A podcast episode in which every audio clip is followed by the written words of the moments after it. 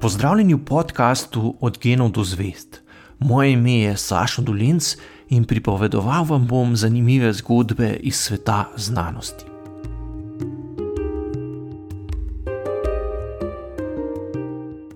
Pred nekaj meseci je minilo natanko 200 let od smrti Žige Cojza, ki velja za enega naših najpomembnejših razsvetljenskih intelektualcev.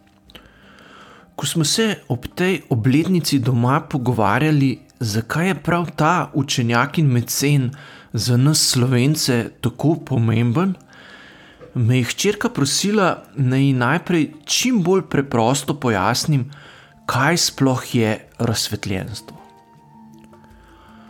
Po krajšem razmisleku sem ji povedal, da je to obdobje v zgodovini človeštva, ko se ljudje pri pomembnih odločitvah niso več opirali na tradicionalne avtoritete, kot sta bili crkva in stare knjige, ampak so se oprli na lastno znanje in sposobnost razumskega premisleka. Ob tem sem še dodal, da je prehod v razsvetljenstvo hkrati pomenil, da so bili ljudje za svoje odločitve sedaj polno odgovorni, saj jih ni več nihče oviral, da se ne bi odločali na osnovi temeljitega razmisleka. Hčerka je bila s pojasnilom zadovoljna, Mene pa je vse skupaj spodbudilo, da sem vzel v roke še nekaj dodatnih knjig. Ob njihovem branju sem ugotovil, da avtori pogosto opozarjajo, da se je v obdobju razsvetljenstva poleg dobrih idej porodilo tudi kar nekaj prepričanj, ki so jih mnogi vzeli za samoumevne a se s časoma žal niso izkazale za resnične. Eno takšnih prepričanj je bilo, da je treba ljudi le dobro izobraziti in jih osvoboditi spon tradicionalne miselnosti, pa se bodo začeli obnašati kot svobodna in razumna bitja. Za učinkovito delovanje demokratične družbe naj bi bilo tako dovolj že, če družbo sestavljajo dobro izobraženi in razgledani posamezniki. Ti naj bi kar najbolje vedeli, katere odločitve so za nje dolgoročno najboljše. Žal se je kmalo izkazalo, da to prepričanje ne drži. Človeštvo je v naslednjih stoletjih spoznalo, da le večja izobraženost in lažji pristop do znanja nista dovolj, da se tudi dobro izobraženi ljudje ne bi še vedno nespametno odločali. Mnogi učenjaki so poskušali pojasniti, zakaj se ljudje pogosto ne odločamo najbolj smotrno in ne uporabljamo razuma pri iskanju odgovorov na pomembna vprašanja, tudi če nam uporabe razuma nihče ne preprečuje. Ena od ugotovitev je bila, da na naše odločitve vplivajo tudi procesi v možganjih, ki se jih večinoma sploh ne zavedamo. Danes tako vemo, da v človeških možganjih sporedno deluje veliko različnih mehanizmov, ki jih ne moremo opredeliti kot razumsko mišljenje, a so za nas vseeno izjemno pomembni. Eden takšnih je recimo sistem za prepoznavanje obrazov. Ko nekoga srečamo na cesti, takoj vemo, ali ga poznamo ali ne. Čeprav je to prepoznavanje ljudi v resnici zelo zahtevno miselno opravilo, ga naši možgani izvedejo v trenutku, pri čemer ne občutimo nobenega napora.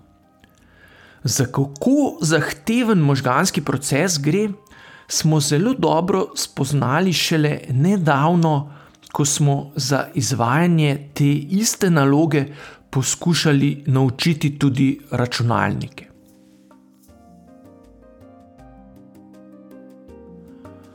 Podobna težka upravila, ki jih naši možgani izvajajo z lahkoto in v trenutku, so tudi prepoznavanje govora, zavedanje čustvenega stanja sogovornikov, prepoznavanje hierarhije v skupini in podobno. Ker se pri teh procesih zavemo le rezultatov, ne pa tudi tega, kako smo do teh spoznanj prišli, jim običajno pravimo kar intuicija. Težava teh intuitivnih sistemov pa je, da imajo veliko napak, ki jih je mogoče tudi zlorabljati. Evolucijsko so se razvili zato, da so se naši predniki lahko hitro odzivali na nevarnosti, pri čemer je bila hitrost za preživetje bolj pomembna kot pravilnost odziva. Za dobro delovanje družbe so pomembni intuitivni odzivi, ki nadzirajo sodelovanje med ljudmi. Vsi hitro začutimo nelagodje, če se nam zazdi, da nas poskuša nekdo prevarati ali izkoristiti. Če nekdo ni pripravljen sodelovati, ga poskušamo najprej preuzgojiti ali kaznovati, šele če pri tem nismo uspešni, običajno tudi sami postopoma nehamo sodelovati. Žal so takšni odzivi učinkoviti le za majhne skupine, v katerih se ljudje medsebojno poznajo. Ko so človeške skupnosti postale večje, je moralo človeštvo svoje intuitivne odzive nadgraditi in razviti nove mehanizme za spodbujanje medsebojnega sodelovanja. Sodelovanje v velikih skupnostih se mora namreč opirati tudi na razum, ker uporaba zgolj intuitivnih mehanizmov največkrat ne zadošča za dobro delovanje družbe. Danes zelo dobro vemo, da demokratični politični sistem ne predstavlja naravnega stanja človeštva, ampak je posledica naporov mnogih generacij, ki so se učile na svojih napakah. Za dobro delovanje demokracije se je treba neprestano truditi. Pri tem pa je ključno, da v sistemu gradimo mehanizme, ki nas silijo, da poleg intuitivnih odzivov čim pogosteje vklopimo tudi razumski razmislek o posledicah svojih odločitev. Nekaj podobnega kot za demokratični politični sistem velja tudi za znanost. Tudi odnosi, kakršne poznamo v znanosti, niso naravni. Da znanost dobro deluje, se moramo prav tako neprestano truditi. Znanost se je skozi stoletja razvila v eno izmed najbolj učinkovitih oblik sodelovanja med ljudmi. Omogoča namreč hitro vrednotenje idej, ki ne temelji na zaupanju avtoritetam, ampak na odprti izmenjavi argumentov.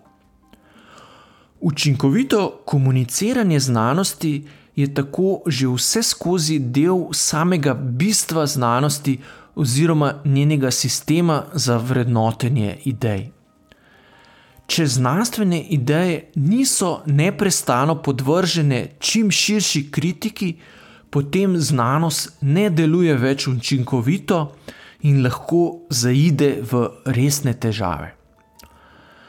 Razsvetljenski filozofi, kot tipični predstavniki razsvetljenstva 1.0, so žal precenili pomen razuma v primerjavi s tradicijo in običaji, ki se opirajo prav na intuitivne mehanizme v možganjih. Bistvo razsvetljenstva za 21. stoletje, ki mu nekateri pravijo tudi razsvetljenstvo 2.0, pa je prav v tem, da izhaja iz dejanske narave resničnih ljudi, ne iz idealizirane podobe človeka, ki ga v resničnem svetu ne najdemo. To je bil podcast Od genov do zvest. Moje ime je Saša Dolence in z novo zgodbo se vam oglasim že k malu.